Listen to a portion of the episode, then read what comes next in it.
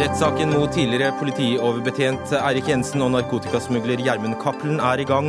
Jensen nekter straffskyld, Cappelen erkjenner. Frankrike lovfester rett for ansatte til å logge av etter arbeidstid. Kunne det vært en idé også her hjemme?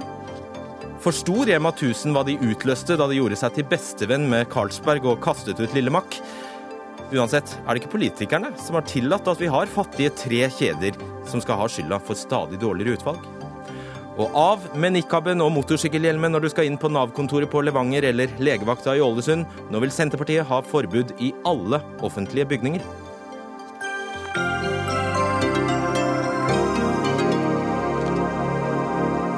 Riktig god kveld og velkommen til Dagsnytt 18. Jeg heter Fredrik Solvang. I dag startet en av de største og mest spesielle rettssakene vi har hatt her til lands. Over fem måneder er satt av eh, til saken mot den tidligere profilerte politimannen Eirik Jensen, som er eh, tiltalt eh, for grov korrupsjon og narkotikakriminalitet. Og Hasjsmugleren Gjermund Cappelen er også tiltalt for grov korrupsjon og erkjente straffskyld for innførsel av flere tonn hasj. Olav Rønneberg, krimkommentator her i NRK. Dette var altså første gangen de to så hverandre på tre, tre år, vel. Hvordan gikk det møtet? Det var ikke noe hjertelig gjensyn, for å si det på den måten. De så knapt på hverandre, men vi så at da Gjermund Cappelen ble ført inn i retten, så kastet Eirik Jensen et blikk bort mot han, og det må sies å være et ganske iskaldt blikk. For øvrig så satt de ganske langt fra hverandre i rettssalen i dag, hadde ingenting med hverandre å gjøre. og Det blir interessant å se da om dette fortsetter de fem månedene denne saken skal være. De skal altså sitte i samme rom helt fram til midten av juni. Mm.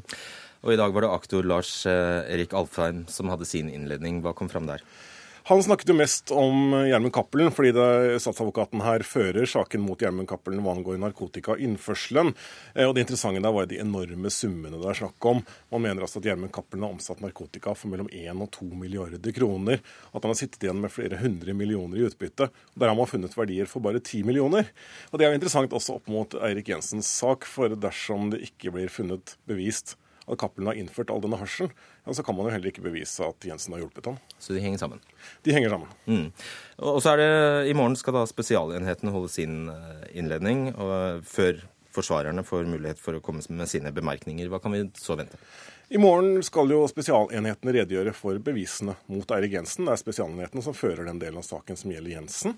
Eh, og Det blir jo interessant å høre der om det kommer noe mer enn det vi kjenner fra media. Vi har jo hørt mye om tekstmeldinger som er lagt fram med et såkalt mistenkelig innhold. Vi har hørt om kontantfunn i veggen hjemme hos Jensen, og vi har hørt om et baderom som ble pusset opp hjemme hos Eirik Jensen. Det interessante blir om det kommer noe mer her, noe som ikke er kommet ut eh, fra før. Og så blir det interessant å høre hvor sterke disse bevisene er, og hva de egentlig mener om det. Ikke sant. Du, Olav Rønne Rønneberg, hvis man har befunnet seg på månen, månen de siste, den siste tiden, så skjønner man ikke hva vi snakker om. Vil du gi oss et kjapt resymé av hva det, denne saken dreier seg om. Man har Gjermund Cappelen som har forklart at Eirik Jensen har gjort det mulig for han å smugle inn 16 tonn hasj over en tiårsperiode. Så har man i tillegg til Cappelens forklaring rundt 1500 tekstmeldinger som Spesialenheten mener har et mistenkelig innhold, men som Jensen mener er et helt vanlig kodespråk mellom politi og informanter.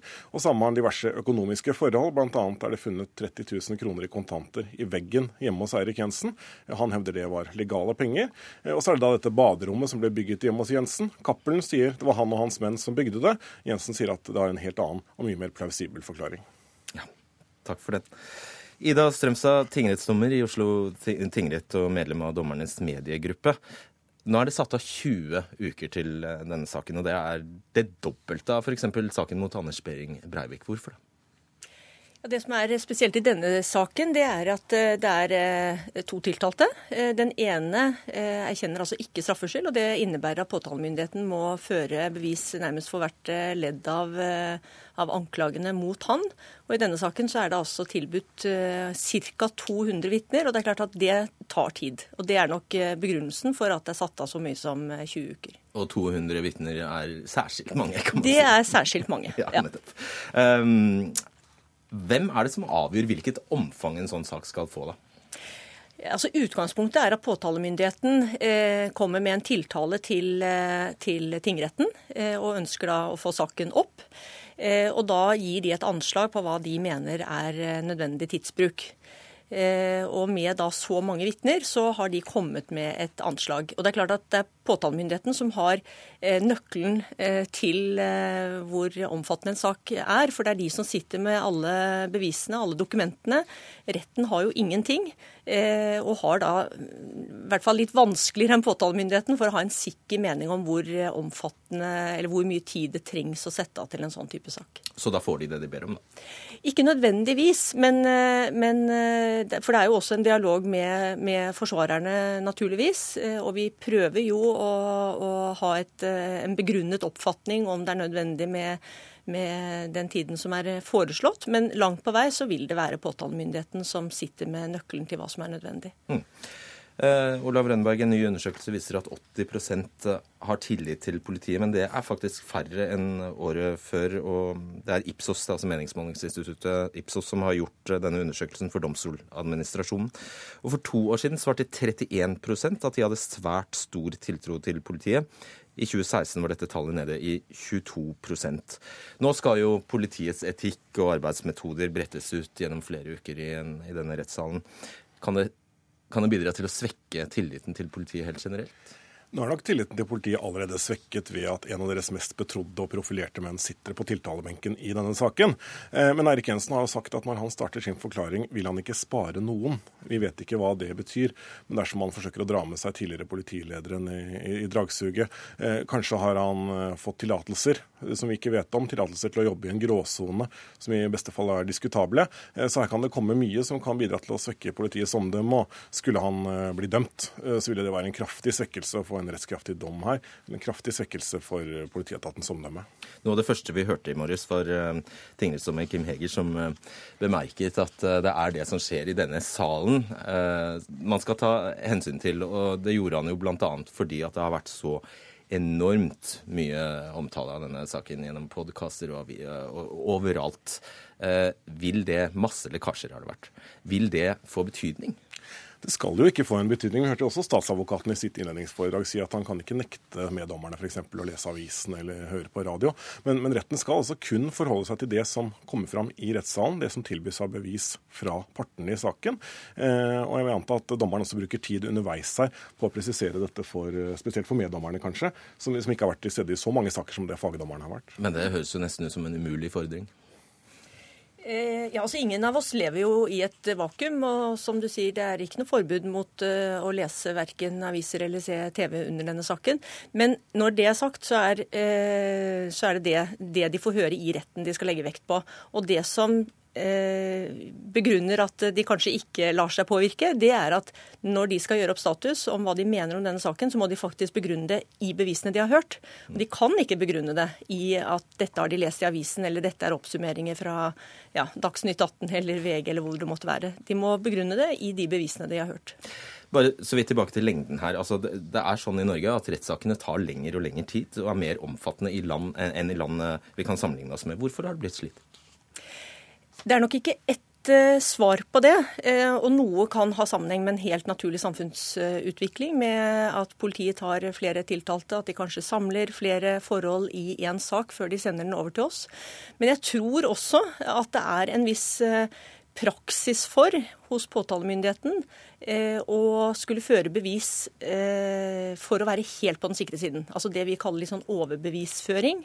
At når man skuer tilbake etter en sak, så ser man at her har det kanskje vært eh, en del bevisførsel som ikke nødvendigvis hadde vært nødvendig.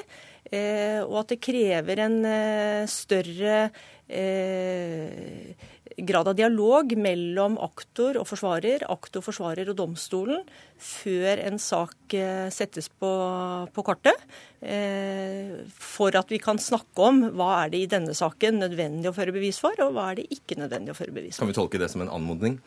Eh, en anmodning, og som vi får jo nå en ny straffeprosesslov. Mm. Og, og straffeprosessutvalget har eh, klart tatt fatt i det og, og, kommer med forslag om at det i større grad skal være dialog mellom partene. Og til sist, eh, Rønneberg. Ut fra det vi da vet av denne, ut fra denne massive omtalen, hva, hva er det rareste i denne saken? Særlig to forhold. For det første, Gjermund Cappelen vil ikke forklare seg om noen andre av sine medhjelpere over- eller underordnede, bortsett fra Eirik Jensen, som han forklarte seg om nesten fra dag én. Hvorfor gjorde han det? Det har vi ennå ikke fått noe godt svar på. Og dersom da Eirik Jensen dersom skulle være skyldig i å ha hjulpet Gjermund Cappelen med å innføre narkotika, hvorfor sitter han igjen med bare to millioner kroner over en tiårsperiode? Forsvarerne sier at dette går i null omtrent. og Uansett vil det være småpenger, mener mange. Det er to av de store spørsmålene i denne saken som skal holde på til juni. Takk skal dere ha. Olav Rennberg og Ida Strømstad.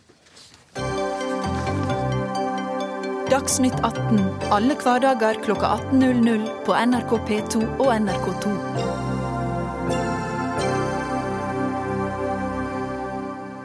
Fra 1.1 må franske bedrifter sette i verk tiltak for å hindre at eh, ansatte ikke konstant er pålogget eh, på jobben. I praksis betyr det at ingen kan få sparken fordi de har vært utilgjengelige for arbeidsgiver på e-post eller telefon etter arbeidstid. Og Frankrike er det første landet som, gjen, eh, som gjenoppretter, kan man si, dette skillet mellom eh, jobb og fritid. Robert eh, Salmon, du er eh, forsker ved Norsk arbeidslivsinstitutt. Hvorfor innfører Frankrike denne loven? De gjør det fordi at uh, en del uh, føler at uh, arbeidslivet blir for stressende, og at de ikke behersker godt nok forholdet mellom arbeidsliv og hjemmeliv. Og at de ikke får tid nok til restitusjon. Det er klart de setter ikke i gang et så stort apparat uten grunn. Og det er så prosaisk som at det, eh, handler om å ikke lese, lese, og svare på e-post? Eh, det kan hende at det er mer som ligger i det. fordi det som vel er der, ut fra et arbeidstakersynspunkt, det er vel at flere nå føler et veldig grådig arbeidsliv. Og jeg sier arbeidsliv, og ikke nødvendigvis arbeidsgivere. Eh, fordi at en del av arbeidet for mange er altoppslukende, på en måte. Men det skal ikke gjelde alle? Eh, det skal ikke gjelde alle. Og eh, det er, hvis du ser på norske tall f.eks., for, for det finnes jo tall fra Statistisk sentralbyrå eh, i arbeidsmiljøundersøkelsen de gjorde i 2013. Og arbeidslivet har ikke forandret seg så mye, selv om vi tror det, siden da. Og da ser vi at det er ledere som først og fremst føler at de har krav på jobb som forstyrrer hjemmeliv og familieliv. Ofte eller alltid. Og da er det eh, nesten 50% av lederne som svarer noe sånt nå. Mm. Eh, hvis du ser på alle, eh, så ligger det tallet godt under 20% Altså la oss si 15, rundt 15 av som alle føler, føler at, eh, at, det er slik eh, som dette. Alright. Eh, hvordan skal det praktiseres har det, har det kommet fra, eh, hvordan skal det praktiseres i Frankrike? Eh, ja, Det er litt usikkert, fordi jeg har egentlig også bare lest det som dere har lest i, i mediene. Men jeg oppfatter dette som en slags beskyttelseslov som kan tas i bruk når det er nødvendig, og ikke som en direkte forbudslov. Det som jeg syns er interessant her, det er at en del store virksomheter, f.eks. Volkswagen, har introdusert noe sånt noe på egen hånd uten et lovverk i ryggen. Og det er flere store franske bedrifter som også har eh, praktisert det samme. Det som også gjelder her, det er jo for bedrifter med mer enn 50 ansatte. Og jeg vil tro, men det vet jeg ikke, at det er muligheter for betydelige unntak. Nettopp.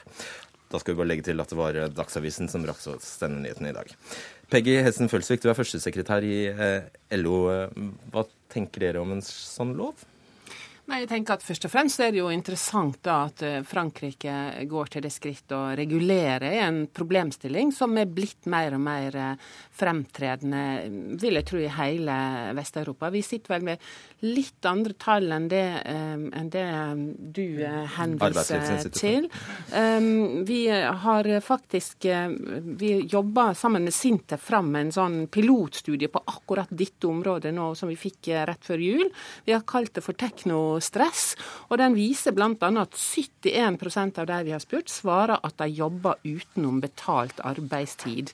Så enten så har utviklingen gått veldig fort her, eller så er det litt nyanser i tallene. Så vi eh, Eller selvskryt. Ja, jeg tror det er det siste. Altså, det, nå skal ikke jeg stille spørsmål ved Sintef sine forskningsresultater. Vi skal også jobbe videre på dette her. Dette her er en forstudie. Men at dette er en utfordring for mange med den teknologiutviklinga som vi ser. Det her med å kunne skille mellom jobb og fritid, det tror jeg vi, vi godt kan si at uh, her har vi sett en forandring i løpet av ganske kort tid. Men jeg merker meg at du bruker, bruker ordet interessant og ikke bra nødvendigvis. Altså, for dette er ikke dette er ikke noe dere umiddelbart ønsker å overføre? Nei, lovgivning tror jeg ikke for oss er aktuelt i det hele tatt. Det vi har vært flinke til i norsk arbeidsliv når det oppstår denne typen endringer i arbeidslivet, er å avtale eh, partene imellom hvordan vi skal løse sånne utfordringer. Det har vi gjort ved alle tidligere eh, form for teknologiutvikling i arbeidslivet, og det er jeg ganske sikker på at vi også skal eh, kunne gjøre videre. Men vi mener at vi først og fremst nå må ha mer fakta på bordet for å kartlegge hvordan denne situasjonen ser ut. Og det gjør vi altså nå sammen med Sintef en mm. jobb på. Elin Ørjasæter, førstelektor ved Høgskolen Kristiania, underviser bl.a. i personalledelse. Trenger Norge en lov som den de har fått i Frankrike? Nei, vet du hva, Der er jeg veldig enig med LO at dersom det er problemer rundt dette, så er det et spørsmål som er godt egnet for, eh, for tariffavtalesystemet å se på, enten det er per bransje eller per bedrift. Men jeg har lyst til å minne om at vi har faktisk et unntak i arbeidsmiljøloven for noen type stillinger når det gjelder arbeidstid. Mm. Ikke sant? For de fleste av oss så er arbeidstiden klokkestyrt, og den er regulert. Men så er det noen som har et unntak, eh, og det er da ledere, eller særlig uavhengige Særlig uavhengige stillinger. Særlig uavhengige stillinger. Jeg vil jo gjette at det er den type stillinger hvor det er størst utfordringer med skille fritid og jobb, eller der hvor arbeidsgiver putter henne i den båsen uten at det egentlig er lovlig å putte henne i den båsen. For det er det faktisk en del eksempler på. Det er at arbeidsgiver sier at dette er en særlig uavhengig stilling, men så er det ikke det. Det bare står det på papiret. Og her er dere redd for en utglidning, eh, Følsvik? Ja, det er vi. Og det er klart at den regjeringa som eh, vi har nå, har jo gått motsatt vei enn det vi ser man nå gjør i Frankrike. For det første så har jo de eh, endra på eh, kan vi si styrkeforholdet når det gjelder arbeidstidsreguleringa i arbeidsmiljølova. Både ved å åpne for mer overtid, ved å gi tillitsvalgte mindre makt når det gjelder å, å avtale arbeidstid, men også ved å nå sende ut på høring et forslag om utvida utvida adgang til kveldsarbeid. Og også det som de kaller for delvis uavhengig stilling, som er å gå enda et skritt videre fra det som Elin Ørjasæter ja, En sånn light-versjon av denne ja, særlig uavhengige stillingen? Ja, en form for light, enda større forvirring på området, vil vi si da. Og det har vi også svart på eh, i høringa vår, at vi syns dette er feil vei å gå. Og vi mener også at det at ikke partene har vært representert i dette arbeidet, mener vi er ganske alvorlig. Nå er jo ikke du akkurat regjeringen, Ørjasæter, men jeg regner med du er Her er du uenig? Ja, eh, i noe av det er jeg uenig. For jeg har vel oppfattet de forslagene som er kommet, som at det handler ikke om en utvidelse av den totale arbeidstiden, men det handler om å kunne legge arbeidstiden, og heller ikke en utvidelse av total adgang til overtid, men å kunne legge den på litt andre måter. Og det tror jeg faktisk tiden er overmoden for. Altså kan Fordi... flytte to timer fra eh, ettermiddagen f.eks. til kveldstiden etter 21? Mm. Og dette med at overtiden ikke er så styrt av hva tillitsvalgte eh, mener sentralt, f.eks. Det er masse stridigheter rundt arbeidstid i norsk eh, arbeidsliv. Men da føles ikke rett i at det er faktisk en motsatt retning av det det gjør i Frankrike? Det gjelder helt andre grupper. For de gruppene som opplever det at de må være tilgjengelig på liksom, smartphonen døgnet rundt, det er nok gjerne de som er unntatt fra arbeidstidsbestemmelsene, tror jeg. Det, det stemmer ikke. Det stemmer ikke. Og det mener jeg vi finner gode, gode begrunnelser for i denne rapporten vår også. At det gjelder en stor, stor gruppe utenom de som er unntatt for uh, mm. arbeidstidsbestemmelsene. Så der treffer du nok mye videre enn det. Bare oppklar det, Salmon. I Frankrike er det jo den største fagforeningen eh, CFDT som har vært pådriver. De har vel uh, antagelig en variert medlemsmasse, eller? Det har de, har de nok, ja. Men det jeg mener er det viktigste i forhold til debatten her, det er jo rett og slett eh, det egentlig dere også er inne på. Prøv å få til en dialog på hver enkelt arbeidsplass. Prøv å finne ut av hva er den mest hensiktsmessige ordningen i hvert enkelt eh, tilfelle. og så ta det derfra. Det tror jeg er mye viktigere tilnærming enn en bombastisk lov. For jeg har også sans for at f.eks. småbarnsforeldrene foreldre kan stikke tidlig hjem fra jobb, tenke på ungene en stund, og så ta en liten kveldsøkt. At det kan være en ålreit tilpasning av og til. Mm. Kan ikke det være en slippery slope, da? Eh, nei. Jeg tror ikke det. Eller nå skjønte jeg faktisk ikke hva du altså, mente. Du Godtar, la oss si uh, at du f.eks. Du, du, du, får en ny kategori med, med arbeidstakere som er, som er særskilt eller særlig uavhengige, og så får de en fordring på seg. Altså, du, du kan, du kan ta det litt, litt ut på kvelden, du. No, jeg tror det er noe som er mye viktigere her enn de konkrete liksom, finurlighetene rundt arbeidstid. Og det stikkordet her er stillingsvern. I Frankrike så er det sånn at 90% av alle nyansatte er i midlertidige stillinger.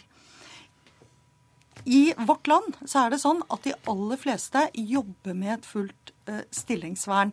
Og så lenge man har det, så tror jeg alt ligger til rette for at man kan bli enige lokalt eller bransjevis om disse tingene. Det er når folk ikke har stillingsvern, reelt eller, eller følt, at de går med på å være mye mer tilgjengelige enn det de bør være. Ja. Det er jeg litt usikker på om, om, om, jeg er enig i. Nå er det sånn at norske arbeidstakere i utgangspunktet er entusiaster når det gjelder teknologi. Vi tar veldig mm. gjerne i bruk eh, ny teknologi. Det gir oss eh, noen muligheter i forhold til fleksibilitet, men det gir oss også noen utfordringer i nettopp det som du fra AFI er inne på, med skille mellom arbeidstid og fritid. Og også noe med det her med hva er forventa av deg? Hva venter lederen din at du skal svare opp til? Når er det forventa at du skal lese den e-posten din? Eh, og, og, og, disse tinga er vanskelig sånn som eh, regelverket er i dag, å få på plass de, de forventningsavklaringene. Det, det, kan vi gjøre noe med. Jeg tror ikke det er regelverket det er noe feil med her, men det er eventuelt evnen til å kommunisere. Ledere kan avklare forventninger, og det bør de faktisk gjøre. Og Da er vi tilbake til ditt poeng om at det er best om man avtaler dette. Det er det. Og jeg har også lyst til å minne om at uh, av og til så er sånne som oss, som jobber en del, våre egne fiender. Og det er ikke nødvendigvis arbeidsgiveren. Det ble kalt honningfella uh, av mine kolleger for en del år siden. Fordi at det er så uh, morsomt, det er så motiverende. Og nordmenn har jo veldig stor arbeidsglede å holde dette gående. Og av og til så trenger vi faktisk en eller annen form for beskyttelse mot oss selv.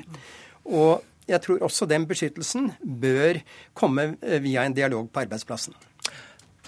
Det tror jeg vi alle kan skrive inn på. Takk skal dere ha, Robert eh, Salmon Peggy Hesten Følsvik og Elin Ørjasæter.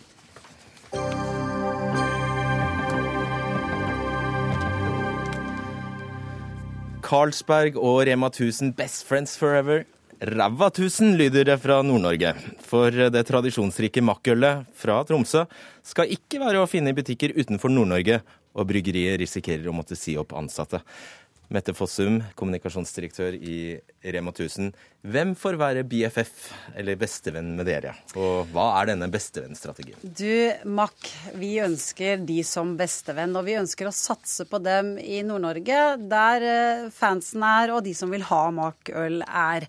Så det skal det ikke være noen tvil om. Akkurat som vi skal selge Hansa-øl i Bergen og Hordaland og CB i Agder-fylkene osv. Så, videre. så det skal ingen være redd for. Nordlendinger i, i sør får ikke makkøl. Du, det er jo sånn at vi har solgt makkøl i, uh, i, hele Norge i ett år. Ellers har vi solgt makk i 30 år til sammen i Rema 1000. Uh, men så er det sånn at vi selger ikke like mye overalt i hele Norge. Og vi ønsker jo å satse på det kundene vil ha i de andre 16 fylkene også. Og der vil de ha Sagene Bryggerier og Hansa og Ås og litt forskjellig. Og det er det vi ønsker å vise. Så konsentratet av denne strategien som dere kaller bestevenn, er? Det viktigste er for oss at vi skal eh, få gitt kundene våre de laveste prisene hos Rema 1000. Og bakenfor det så handler det om hvordan vi får tak i varer, og hvor mye de koster når vi kjøper de inn. Og det er dette som er forhandlingene når vi går inn med ulike da, leverandører. Færre og billigere. Ja, altså det er jo hele DNA-et i Rema 1000. Kundene skal få de laveste prisene hos oss. Og da jobber vi hardt for det. Og Mack har en sentral plass. Og så ønsker vi også i tillegg å ha et godt valgt utvalg i alle våre butikker. og knytte til oss veldig mange flere lokale Ja, leverandører. men det, det, Ja, men det er jo sånn. Ja, For i dag så er vi færre veldig, varer for veldig like. kundene og billigere innkjøp for Rema. Ja, men i dag så er det jo sånn at Kiwi og Coop og Rema vi er veldig like. Og nå må vi differensiere oss. Og denne strategien handler jo ikke minst om å få en, enda flere unike varer i våre butikker. Og det gjør vi ved å knytte til oss enda flere lokale leverandører. Også 19 nye mikrobryggerier, som vi også gjør. Niklas eh, Baarli, programleder i NRK P3 og Urge-entusiast, for den som måtte forstå det. Grunnen til at eh, akkurat eh, Mack ligger så dårlig an, er jo da at Rema har laget denne bestevennavtalen med Ringnes, som eies av nevnte Carlsberg Group. Og det betyr også dårlig nytt for en rekke Coca-Cola-produkter, bl.a. Urge, og da har du eh, tatt grep. Hva da? Ja, altså kan du forstå, eh, kan du forstå dette? Eh, Kaste Urge ut av butikkene. Da må det fakkeltog til. Man må ta til gatene. Man må eh, stå opp for sine rettigheter. Eh, Urge-elskerne har kjempet før. Eh, Vi kjempet for 1,5 literen. Nå må vi kjempe for å i det hele tatt få Urge hos Rema 1000, som er tilfeldigvis min lokalbutikk, som jeg har handlet i i alle år. Og nå må jeg altså innom en ny butikk lenger unna, bare for å få gudenes nektar. Og så eh, svarer Rema 1000 med at jeg kan drikke Tropo, en kiwibrus. Snakk om slag i trynet. Du har fått en ganske god respons på eh, Takk for det. Ja. ja. Hva, hva, hva går tilbakemeldingen ut på? Du, eh, folk er vel enige. Folk eh, føler vel at eh, Rema 1000 har plass til både Tropo og Urge. De har jo hatt det til nå, så jeg skjønner ikke helt hvorfor de ikke kan fortsette med det. De har jo nok overskudd. Det er jo ikke det at de ikke tjener penger på løsningen som er i dag. De hadde 2,4 milliarder i overskudd i 2014. Forklar deg, mm, Fossum. Du, Niklas, det er jo sånn at det er ikke så veldig mange som deg da, som drikker Urge. Og vi ønsker deg velkommen til butikkene våre i Trondheim i morgen når du skal komme med toget ditt. Og der skal du få lov til å smake vår egen merkevare Grans Cola X. Sukkerfri for øvrig, for det er veldig viktig for helsa di. Og det er jo en grunn til at vi nå eh, tar bort Urge, eh, fordi vi ikke har en så god avtale med Coca-Cola lenger. De har ikke ønsket å møte oss på betingelsene. Og vi ønsker jo å ha billige varer i vår butikk. Eh, og det skal vi fortsette med, for det er også merkevaren Rema 1000. Så derfor får du ikke Urge hos oss. Men- Men, men jeg syns jo også det er litt spesielt at NRK driver reklame for Coca-Cola. Men er eh, la det være en, bare en liten Jeg tror du får drive, drive Ja, ja, nei, nok om det.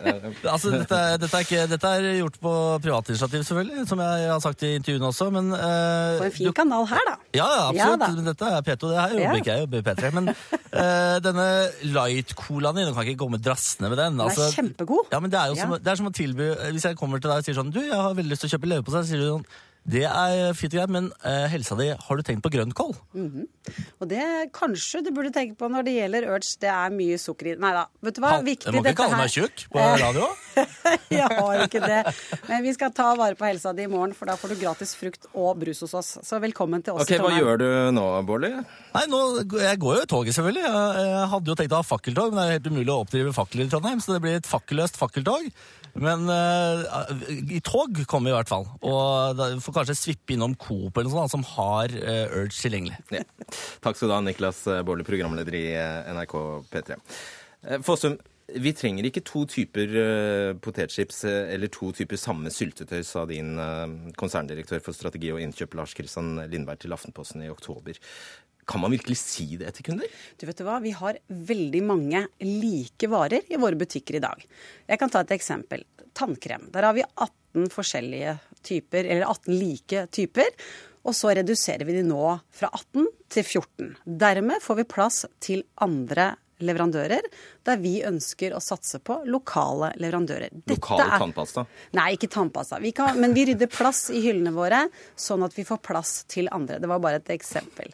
Eh, og det er det vi driver med når det gjelder denne bestevenn-strategien. Vi ønsker å få plass til lokale leverandører.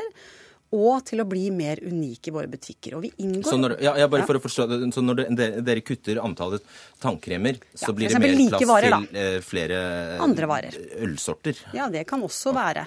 Det vi gjør på øl, f.eks., er å gå fra 49 nasjonale ølsorter til 43 nasjonale. Dermed åpner vi også for flere lokale varianter. Vi har gått ut med i dag og sier at vi skal satse på 19 nye mikrobryggerier. Ja, det det betyr at vi får mikrobryggeri i Trondheim, Sagene bryggeri får sin plass, og Rena i Hedmarkingene får også sitt bryggeri. Og Få si at du får reklamert en del her, du Ja, jeg er veldig fornøyd med Tor det. Andreassen, ja, det er bare hyggelig. Uh, Tor Andreassen, professor i markedsføring ved NHH, Norges handelshøyskole. Du er ikke særlig imponert over denne bestevennsstrategien til Rema. Hvorfor ikke? Nei, Jeg skjønner veldig godt eh, hva de gjør og hvorfor de gjør det. Altså, det er jo igjen for å bedre det sånn av bunnlinjen hos, eh, hos Rema. Men noen av de reaksjonene som eh, jeg har hatt, altså det er akkurat det som da Niklas ga uttrykk for. Han er kanskje da en av mange kunder som er offer for markedsføringen, markedsføring, hvor man har lært seg å utvikle preferanser for gitte merkenavn. Og Det er disse merkenavnproduktene som da, da Rema velger bort for kundene. altså De går inn som en da i en form for foreldrerolle og sier at de skal dere ikke få, men dette skal dere få som vi hadde valgt på vegne av dere. Og, og Det er helt, helt i orden, det. altså. Men jeg tror de der undervurderer kundereaksjonene. At det er mer enn akkurat Niklas som vil gå alene i toget. Jeg tror det er mange som da vil velge å shoppe andre steder, når de da opplever at uh, i porteføljen av produkter de vanligvis kjøper, ikke får de nå dekket inn 100% hos, uh, hos Rema. Og da Min frykt er at de kan ha undervurdert denne kundereaksjonen, som gjør at de kan begynne å vandre da, til andre butikker for å handle inn de tingene som de da ikke får lenger hos uh, Rema. Hva er gærent med det? Da er det jo i tilfelle bare ris til egen bak, da. Det er det jeg mener. skjønner du. Derfor mener jeg at Rema har kanskje satt seg i en litt vanskelig situasjon, hvor de, de, spekulerer på at disse tingene ikke ser. Og Nå ser vi da disse reaksjonene som vi har sett altså blant forbrukere på sosiale medier. Og jeg tror de har undervurdert litt av den reaksjonen. der. Og Når vi nå i tillegg får inn dette arbeidsplassargumentet, så får vi plutselig da en sånn samfunnsansvardimensjon på det hele, som gjør at Rema fremstår som råe og brutale for opptatt av egen bunnlinje. Så det er det min frykt er, at de kanskje har undervurdert den dimensjonen.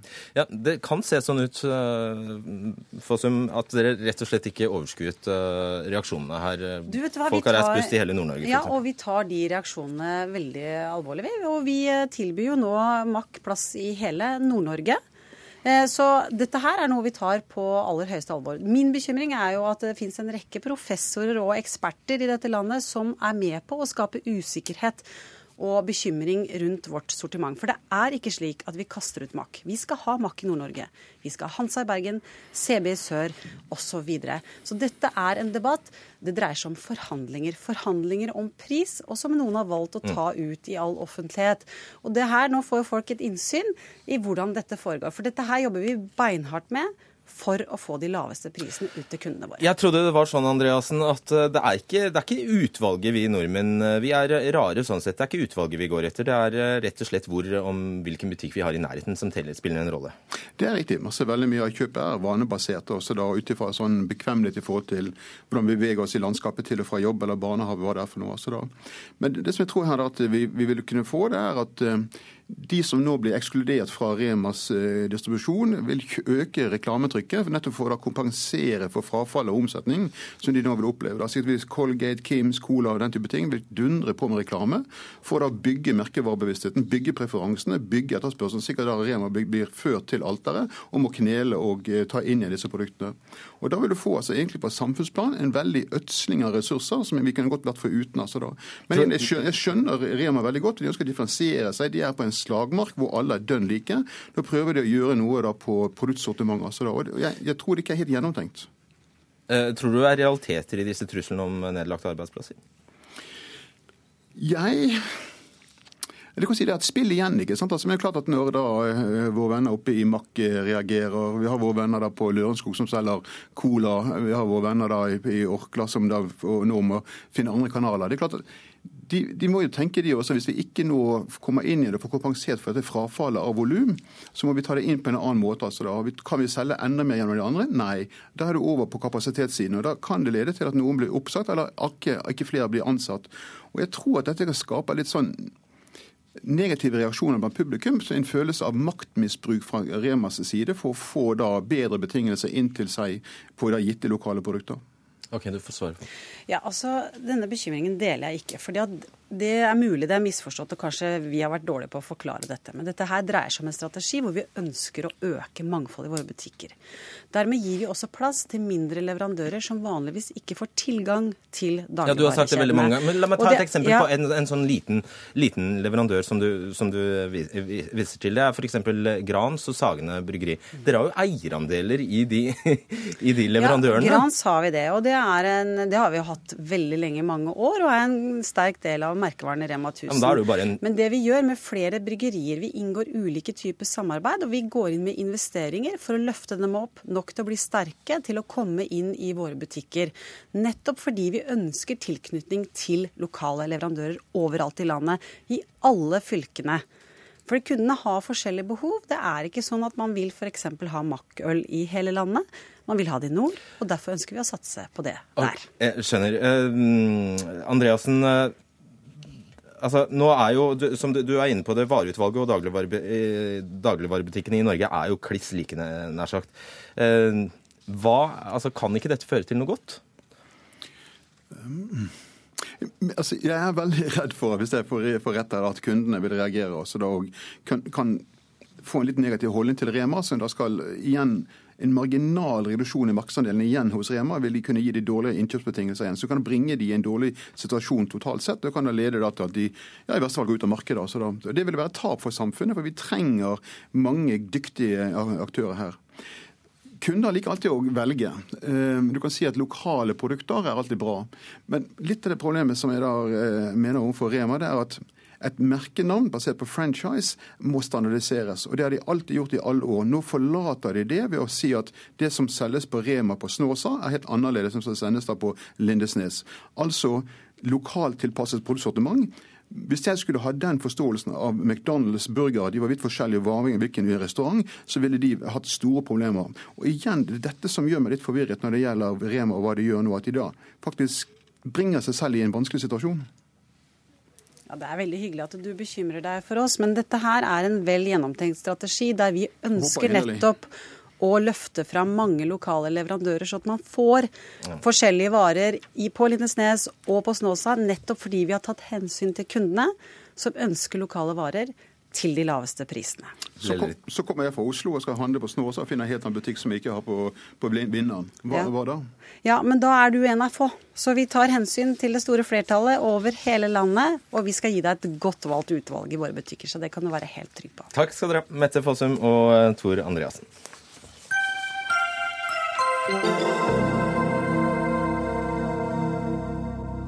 Vi forlater ikke temaet, for færre øl- og potetgullsorter i hyllene er bare symptomet. Årsaken til at det skjer, sykdommen om du vil, er jo at vi har bare tre, tre dagligvarekjeder i Norge. Helge Haselgaard, administrerende direktør i Dagligvareleverandørenes uh, forening. Hvorfor er det gitt at akkurat dette skulle skje, selv om vi bare har tre? Nei, altså Det vi ser nå er en uh, systemsvikt som skjer, fordi dette har fått utvikle seg over veldig lang tid uten at noen har gjort noe for å sikre et effektivt og eh, velfungerende dagligvaremarked i dette landet. Bare oppklar hvem dere er først. Det kommer jeg på. ja, jeg representerer dagligvareleverandørene. Eh, hundretalls eh, leverandører som har det til felles at de selger varene sine til disse tre aktørene, som da har kontroll over butikker og distribusjon og grossistvirksomhet. En systemsikt, sier du, som består altså i at uh, vi har ikke et velfungerende marked? Ja. Og du kan si at det som har skjedd nå de siste dagene, det er, det er, et utslag av at det er så få igjen, og at så mye går gjennom så få hender, at når Rema gjør et strategisk valg, som de selvfølgelig står helt fritt til å gjøre, så rammer det 25% av markedet. For selv om de er den minste aktøren, så kontrollerer de en fjerdedel av dette svære markedet. Og Det du da sier er at uh, for en potetgullleverandør, da, uh, med bare når det kun er tre kjeder og en, uh, ja, en firedel av, det, av omsetningen plutselig forsvinner, så kan det bli veldig alvorlig veldig fort. Ja, det er det det gjør. Og det gjelder ikke bare små aktører, det gjelder store aktører også. Eh, for eh, det er klart at en fjerdedel av omsetningen, ja, det er, det er vesentlig. Og det er et produkt som Urge, som vi har snakket om eh, tidligere her i dag, det jo det blir da borte fra en fjerdedel av markedet. Og det er Coca-Cola som mange som er glad for det. Ja, nettopp. Knut Storberget, du er stortingsrepresentant for Arbeiderpartiet. Eh, bare, ta, altså, bare ta dette her med at vi har skarve tre kjeder i Norge. Var det gitt at dette skulle skje, mener du? Det er vanskelig å forutsi hvordan markedet utvikler seg. Eh, det, en, det, er det eneste åpenbare at det er eh, utrolig krevende politisk å styre hvordan markedet utvikler seg. Og det vi står overfor nå, det er en svært usunn konkurransesituasjon, og som først og fremst rammer eh, alle oss forbrukere. Jeg er ikke sikker på om det blir billigere. Og jeg er i hvert fall sikker på at utfalget etter hvert, og det ser vi nå, blir mer og mer uniformt. Altså det blir eh, magrere utvalg, vanskeligere for de små å komme i hyllene. Og det er jo derfor vi i Stortinget ganske over lang tid eh, i denne perioden, og også i forrige periode, har sett på tiltak. Er det mulig å gjøre noe for å bedre denne konkurransesituasjonen? Der har jo Hasselgaard eh, vært en viktig bidragsyter, i hvert fall for oss i Arbeiderpartiet, hvor vi mener at man burde nå ha fått på plass en lov om god handelsskikk overfor en næring, altså som styres av tre store aktører, for å forebygge de verste utslagene. Og for å sikre oss at vi får mer innsyn i de prosessene som gjør sitt til hva som uh, til slutt havner i hyllene, og hva slags pris vi forbrukere får. Og det har jo, Så langt har jo regjeringen valgt å vende tommelen ned for det og si det at uh, man heller vil gå inn og se på nye regler i konkurranselovgivningen og sånt nå. Det sa man i 2015, og et enstemmig stortingsvedtak som ba dem om det. Og så langt er jo ingenting gjort, og det undres jeg litt over. For det er jo en regjering som består av partier som sier at uh, konkurranse er viktig. men på dette området, hvor vi, det vi møter hver dag i dagligvarebutikken, der kommer man ikke med tiltak. Det er altså lov om god handelsskikk du snakker om, som angivelig skal være lagt i skuffen, Gunnar Gundersen, stortingsrepresentant for Høyre, eller? Ja, den er lagt i skuffen, for det var ingen konkurranse. Det var ingenting som ville bedre konkurransen. Snarere tvert imot. Altså, Konkurransetilsynet advarte jo mot det.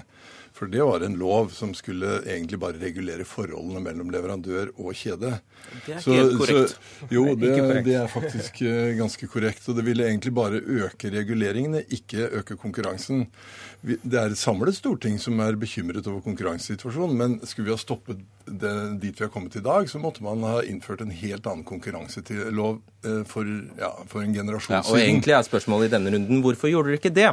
Ja, for det var, Da må du spørre politikere som var der for en generasjon siden. Altså det, vi, skal, vi, vi, har ingen inngrepsmuligheter i dag til å f.eks. å gå inn og bryte opp konkurransen.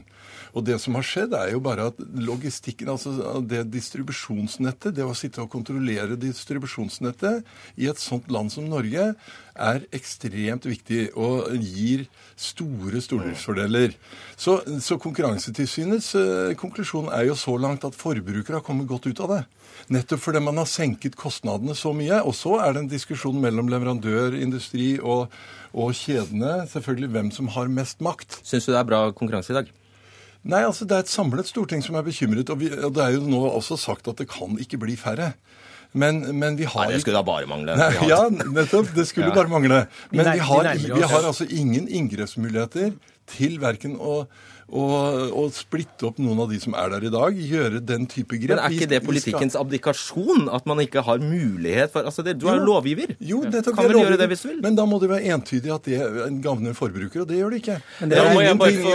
Konkurransetilsynet sier det motsatte. Så langt har forbrukere kommet godt ut av det. Hasselgaard, det er mystisk. At Konkurransetilsynet sier faktisk det Gundersen sier her, at vi har ja, ganske ålreit konkurranse. Ja, nå skal vi huske på at Konkurransetilsynet tar utgangspunkt i det gjeldende lovverket og, og, skal håndheve det. Og jeg mener jo at uh, Konkurransetilsynet har ikke fått det verktøyene de trenger, akkurat som Gundersen også påpeker, uh, for å kunne gjøre noe med det. Av Stortinget. Men, men, men, men et, viktig, et, viktig poeng her. fordi uh, altså Lov om god handelssjekk, slik det ble presentert av, av dagligvarelovutvalget, var helt tydelig et verktøy for å gi forbrukeren større fordeler av det som skjer i forhandlingene tidligere i verdikjeden. Jo da, eh, professor Hjelmeng var, eh, hadde ett klart budskap, og det var at de forhandlingene som pågår eh, i verdikjeden, bl.a. mellom leverandør og handel, må sikres at det kommer forbrukeren til gode. Og det skjer ikke i tilstrekkelig grad i dag. Vi har ikke tilstrekkelig press på bransjen til å sørge for det, og det mener vi at ville være riktig. Fordi vi ønsker ikke fra leverandørenes side å overta makt fra handelen. For oss er det et poeng at et velfungerende marked, så blir makten ført videre fram til forbrukeren. Det vil faktisk være en fordel for oss også. Svar veldig kort på det, det, da. Nei, Jeg tror vi skal være ærlige og si at det er en kamp om makt. Selvfølgelig er det det. Og det, særlig med de forholdene du har. altså Det er store maktkonsentrasjoner både på leverandørsiden og kjedesiden. Og det er en kamp om hvem som har den største makten. Selvfølgelig er det det. Ja. Så det, det, bør vi være ærlige om. Og, og, og, vi må altså Det er Konkurransetilsynet som er vårt reguleringsapparat, og det er der vi har lovgivning. Vi har innført en del ting. Vi har bl.a. meldeplikt og sånne ting som gjør det vanskeligere å fusjonere. Vi ser på på lokale forhold, vi ser på nasjonale forhold, men vi, vi, vi har ingen grep som kan skape Nei, ny og det er jo det- konkurranse. det er Da må vi begynne å diskutere bl.a. landbrukspolitikk, importvern. Ja, vi, vi må først og, for, Ja, først og fremst ting. sørge for at vi får, at vi får eh, bedre vilkår å konkurrere for i, slik vi har det nå. Eh, Og et, en lov om god handelsskikk vil ikke løse alle disse problemene. Det kan vi være enige om. Det ville sørge for en effektivitet som ville komme forbrukeren til gode. Men så må man se på markedsstrukturen. Og da er det bl.a. distribusjonsleddet, hvor det i dag ikke er konkurranse, hvor vi kunne gjøre ting for å sørge for konkurranse. Og dette må, Nå har eh, regjeringen flagget at de vil gjøre noe. Eh, Mæland kom med noen initiativ i, i våres. Eh, Det venter vi veldig spent på å se noen resultater. Nå, Storberget. Eh, Ja. ja. Jeg, jeg, jeg har reist meg i studio på Elverum. Ja, det tror jeg på. Jeg må, må bare si at jeg syns stortingsrepresentant Gunnar Gundersen er usedvanlig defensiv. Og langt mer defensiv enn det hans eh, regjering faktisk har gitt uttrykk for. For Det var jo et enstemmig storting, og, og statsråden har jo etter mitt skjønn også bekrefta at hun vil gjøre det. Nemlig se på om det er mulig fra lovgiverhold å gjøre noe med konkurranselovgivningen. og Konkurransetilsynet er jo sånn at de forvalter jo de gjeldende reglene, men endrer jo ikke lovene. Slik at her mener jeg faktisk at man må på et område hvor Høyre tradisjonelt har slåss for mer konkurranse, det som betyr mest for oss forbrukere, skal vi bare liksom abdisere på det området? Det mener jeg det er helt uaktuelt. Ta det poenget, Storberget, som- og- en lov om god handelsskikk, bare for å sagt det. Det vil jo faktisk reise en slags, i hvert fall en rettslig standard da, på hvordan man oppfører seg overfor både dagligvareprodusenter og andre, og også bidra til å få innsyn, som vi i, i veldig liten grad i dag har. Og nå er det altså sånn at man bestemmer i stor grad, altså få aktører, veldig få aktører, tre aktører, bestemmer hva slags produkter som skal selges, og man etter hvert også får en makt nedover i produksjonskjeden, altså slik at man Men, eier altså- både også produksjon og, og detaljistleddet, og som bidrar til at vi forbrukere eh, blir stående uten, uten noen som helst makt. Ok, Gunn. Ja, nå må jeg få svare litt, for det, dette er ikke defensivt. Altså, vi, Konkurransetilsynet er som sagt klare på at så langt så har forbruket kommet godt ut nettopp pga. at kostnadene ved å distribuere varer og alt er kommet eh, godt ut. Vi har satt i gang noen grep. Vi er bekymret for konkurransen. Men jeg kan jo spørre Knut Storberget. da, Ville han gå inn og bryte opp f.eks. Coop og Norgesgruppen? For å få eh, økt konkurranse. Godt spørsmål. Vil du det? Hvem, hvem vil stå klare til å overta og ta ansvaret for distribusjon og sånne ting? da? Ja. Jeg tror det er veldig vanskelig å bryte opp de eierstrukturene vi har i dag. Mm, Men det skal, det. ikke, det skal jo ikke foranledige at vi ikke kan gjøre noen ting. Og det er, jo, det. det er jo interessant å merke seg at nå går altså EU og kommisjonen har også fått i oppdrag om å nettopp se på strukturen i dagligvarehandelen i Europa og leter etter tiltak. Og det er jo faktisk sånn at i Norge så har vi jo hatt flere tiltak på bordet for å bedre situasjonen, særlig overfor forbrukerne. Lov om god handelsskikk er én ting, for å sette et standard, bedre mulighet for hylleplassering. Men vi har jo også merking og dagligvareportal, hvor vi ser regjeringen bare halter etter. Og jeg må jo si at jeg syns hvis man virkelig skal se på forbrukernes interesser og det brede laget av befolkningens interesser, så tror jeg det strekker seg noe videre enn bare at man får den billigste soloen eller eh, fruktdrikken. Det handler faktisk også om at flere og flere nå ønsker seg at eh, lokale matprodusenter i større grad får hylleplass, og som sikrer jo hele produksjonskjeden. Så jeg hadde jo ønska meg et mye mer aktivt Høyre og et mye mer aktiv regjering knytta opp til kanskje noe av det viktigste området Ingen, for forbrukere i Norge. ingen av de forslagene du har kommet med, Knut Storberget, gagner forbruker. Altså for, Konkurransetilsynet er krystallklare på at en dagligvareportal vil bare bedre forholdene til samarbeid mellom bl.a. kjeder og Ja, har mellom leverandører. før, så- Ja, det har vi diskutert Ja. før. Men regjeringen har da i hvert fall foreslått men når, når du sier at forbruket blir satt i, for, i, i sentrum, så mener jeg faktisk alle de forslagene du eh, kom med, har ingenting med forbruker å gjøre. Det er, det er, eh, forbruker er tjent med sterkest mulig konkurranse, og der har regjeringen gjort en Men, del men ting. det vi ikke har. vi følger er opp mulig. Eh, Problemet er jo at man får ikke folk som ønsker makkel i butikkene sine det. Man får ikke kjøpt sin Urge, man får etter mitt skjønn dyrere produkter. Så man skal ikke undervurdere forbrukerne og si det at liksom, eh, bare man får den billigste gule drikken, så er alle fornøyd. Altså Folk er, stiller større krav enn det Høyre og regjering faktisk tror norske forbrukere gjør. Og jeg syns det er faktisk litt trist å høre at man abdiserer så totalt på et område hvor vi er helt avhengig av mye sunnere konkurranse enn det vi har i dag. Helge Hasselgaard til, eh, til slutt. På mange måter kan man jo si at det Rema gjør er veldig helt rasjonelt. Kanskje eh, er det det eneste, eneste rasjonelle for Rema å gjøre i, en, i, den markeds, i den situasjonen de er i. Men vil det, samme, vil det være rasjonelt for de andre kjedene strengt tatt å også gjøre det samme? Altså at vi får en total forringelse av eh, utvalget? Ja, så Det vil jo være katastrofalt. Ja, ja, Eh, og men- Noe av eh, problemstillingen her er jo nettopp at altså, hadde det vært ti kjeder og én valgte en sånn strategi, så hadde det ikke vært noe problem. Da hadde vi eh, justert oss inn etter det. Slik er det i Storbritannia. Eh, likevel så har de der et handelstilsyn. De har en handelslov à la den vi har foreslått her i, her i landet. De har avdekket saker som jeg tror at vi i dag ikke har verktøy til å ta. Tesco-saken i, i Storbritannia, Carrefour-saken i Frankrike. Andre land har lovgivning som kan ta disse sakene. Det har vi ikke i Norge, og det må vi få. Så svaret på spørsmålet mitt om de andre kan følge etter, det er Ja, Svaret er jo at det er en fare for det, det er en risiko for det, og det må vi unngå. Det må vi unngå. Takk skal dere ha. Ja, ja, eller, ja, Nei, veldig jeg kort. syns Forbruker har vist sin makt i dag. Ja. En Facebook-aksjon, og Rema endret eh, mye av sitt standpunkt. Så Det viser jo at forbruker har en enorm eh, makt her. Takk. Knut Storberget, Gunnar Gundersen, Helge Hasselblad. Hør Dagsnytt 18 når du vil. Radio NRK Radio.nrk.no.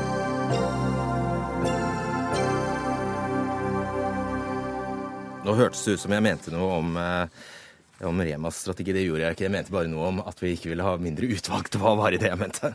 Sånn. Flertallet i Senterpartiets programkomité ønsker å innføre forbud mot heldekkende hodeplagg i offentlige bygninger og institusjoner.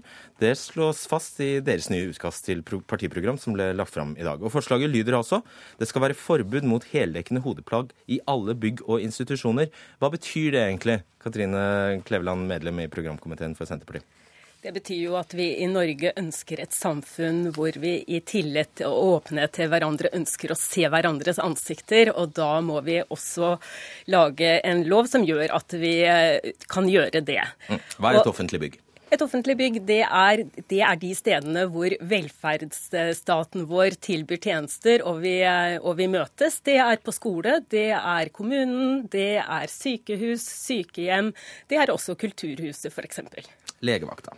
Legevakta. Og da er det jo naturlig at du ser at den som behandler deg, også at du kan se ansiktsuttrykk, følelser osv. Togstasjon? Togstasjon, ja. Når vi kommer så langt, så skal vi se hva som er offentlig bygg. Men togstasjonen... togstasjon Kan ikke gå gjennom togstasjonen for å ta toget med nikab.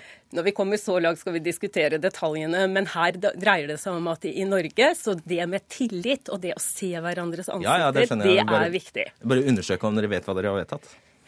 Jeg vil regne med at en togstasjon er en bygning eh, som er offentlig, ja. Og det kan jo ønske oss at det fortsatt skal være offentlige eh, togstasjoner. Ja. dette var en enstemmig programkomité som mente med ett unntak eh, at dette var en god idé. Det var deg, Kjersti Toppe, stortingsrepresentant. Eh, dette kunne vi lese om i avisen dagen først. Eh, du kaller dette drastisk. Hvorfor det?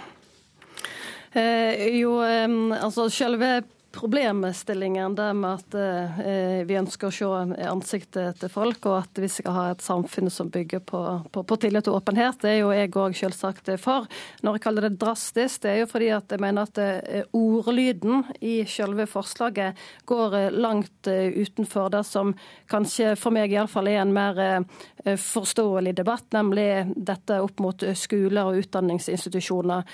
Når vi sier at vi skal ha forbud mot eh, heldekkende hodeplagg i offentlige bygninger Alle og offentlige bygg og institusjoner? ja, så innbefatter jo det legevakt, eh, sykehus, eh, resepsjon i rådhus, kulturhus, og da går vi etter mitt syn langt forbi det som er et reelt behov å gjøre noe med i, i dag. Og eh, Derfor så hadde jo jeg òg dissens på den formuleringen. Ja, du hadde det. Av de eksemplene du selv gir, hva er vanskeligst for deg å svelge? Nei, altså Det som er lettest, er jo dette her med skole- og utdanningsinstitusjoner. Det har jeg òg en forståelse for. Jeg er jo eh, ikke enig i at vi må ha et nasjonalt forbud. Jeg tenker jo heller i retning av at, at eh, vi kan la de lokalt få lage eh, regelverk som kan sette noen rammer rundt dette her, eh, uten at en trenger å gjøre det forbudt eh, ved lov, for da må vi òg få straffereaksjoner. Det er masse implikasjoner her. Eh, Men jeg har jo store problemer med at vi skal gå inn og regulere hvem som skal få lov å komme inn i et akuttmottak eller på ei legevakt. Altså helseinstitusjoner, det syns jeg eh, Der kan vi ikke sette slike krav. Eh, Og det håper jeg òg at vi kan ha en eh, debatt på opp mot vårt landsmøte, slik at iallfall at den formuleringen blir etter mitt syn noe mer klok og fornuftig.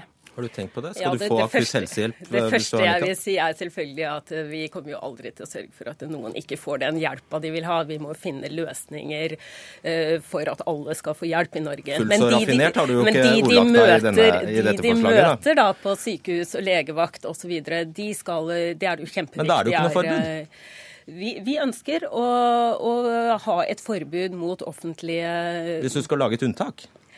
Vi, vi må se på hvordan vi skal gjøre det, for at selvfølgelig skal de få hjelp om det skulle komme noen med nikab. Men, men i Norge så ønsker vi et eh, Så det er samfunn et det er forbud mot basert på heldekkende hodeplagg i alle offentlige bygg og institusjoner, unntatt hvis du trenger helsehjelp og kommer i nikab? For det første så har jeg lyst til å si at i programmet vårt så står det ikke nikab heller, eller motorsykkelhjelm, eller finlandshette. Det står heldekkende hodeplagg. Hodeplagg. Ja. Og så er jeg glad for at eh, Kjersti er opptatt av det med skole. Det er mange nå som er, og ser det med skoler. At det Men det er det letteste å være enige om, for det er er det- lettest å være Ja. enige om. Mm. Og så går vi da skrittet lenger og sier at i vårt samfunn så ønsker vi at det skal være basert på tillit, åpenhet, og at vi da skal se hverandres ansiktsuttrykk osv. Toppe. Hmm. Eh, Jeg er jo eh, Jeg argumenterer jo òg ut fra ei annen linje når en snakker om at eh, vi skal ha et land der vi bygger på, på tillit og åpenhet. Så mener jeg at eh, vi kan ikke bygge det ved lov. Eh, Det må vi bygge på andre måter. Dette med tillit og åpenhet. Og innfører vi et forbud, eh, så innfører vi altså at Hvilke andre eh, måter da? Nei, altså, ja, men Ta dette her med forbud. Da altså, da skal det bli straffbart, eh, og da må det komme straffereaksjoner. Eh, og jeg tenker at det vil øke eh, konfliktnivået, og kanskje eh, ikke, ja, ikke Ja, føre til noe det. Har dere tenkt over det, da? Skal det være fengselsstraff, eller hva skal det være? Så langt har vi ikke tenkt at vi har bestemt straffenivået, men at vi ønsker Men det må være straff? Ja, hvis det er et forbud, så må det være en reaksjon på hva som skjer etterpå. Selvfølgelig må det følge hvis det er et forbud. Men i Senterpartiet så er vi ikke Ja, det får vi ta etter hvert hva som blir reaksjonen. Men i Senterpartiet er ikke redd for diskusjoner, og nå får vi en diskusjon. Og så er det jo da landsmøtet som skal ta opp dette og se Mm. hvor langt vi skal gå når det gjelder da heldekkende hodeplagg. Kjersti Toppe, nå har Senterpartiet i tur og orden eh, lansert å fjerne trosstøtte til de som ikke er utenlandske statsborgere, at utenlandske statsborgere ikke skal telles med i utregningen av stortingsmandater. Nå nikab. Hvordan tror du Senterpartiet oppfattes om dagen? Denne Jeg eh, håper jo at eh, folk eh, ser på hele programmet vårt, og ikke bare Ja, akkurat det. disse sakene. Så, så eh, ja. Ja, men Hvis du bare tar for deg disse eksemplene, da. Nei, det er jo tre saker som går inn mot ei gruppe innbyggere, og hvordan vi skal regulere det. Jeg har jo hatt dissens på de tre sakene du nevner, så kanskje Katrine Kleveland heller kan eh, Ja, har du tatt dissens? Spørsmålet er vel egentlig har du tatt dissens fordi du er bekymret for hvordan Senterpartiet oppfattes? Eh, Nei, altså jeg har tatt eh, dissens eh, på hvert enkelt eh, forslag uten å sette det i, i, i sammenheng. Eh, For eh, hvert enkelt forslag har jo sine argument og motargument. Mm. Og jeg som sitter i programkomiteen har tatt dissenser sammen med Kjersti. Vi har hatt en programdebatt i en levende debatt, og her har vi mange gode saker som vi gleder oss til å løfte fram Senterpartiets uh, samla program. Dette er en av tingene som vi nå ønsker debatt om, å få da om heldekkende hodeplagg. Man går med nikab i Norge? Vi vet at det ikke er mange, så det er ikke et, sånn sett et stort problem. Men for oss så mener vi at mange eh? Jeg har ikke noe tall på det, det må jeg være ærlig å si. Men for oss så dreier det seg da om at det med å være da i Norge og følge hverandre, se hverandre, da skal vi også kunne se et levende mimikk og ansikt hos hverandre. Og det håper vi å bygge et samfunn hvor vi kan inkludere og se hverandre. Toppe, du får avslutte. Eh, Jeg ser ikke på at dette er et stort eh, problem i dag. og Når det gjelder politikk, så tenker jeg at vi må ta tak i de viktigste problemstillingene først. Og jeg ser ikke at dette med å ha et nasjonalt forbud mot hodedekkende eh, plagg i alle offentlige institusjoner, at det er nødvendig akkurat nå. Nei. Så der er dere uenige. Der er vi uenige, og nå skal vi diskutere videre. Det er herlig. Takk skal dere ha, Kjersti Toppe og Katrine Kleveland, for at dere tok den interne debatten i Dagsnytt 18. Eh, ansvarlig for denne Dagsnytt 18-sendingen var eh, Ida Tune Øresland. Guri Finnsveen var i teknikken, og jeg heter Fredrik Solvang. Riktig god kveld.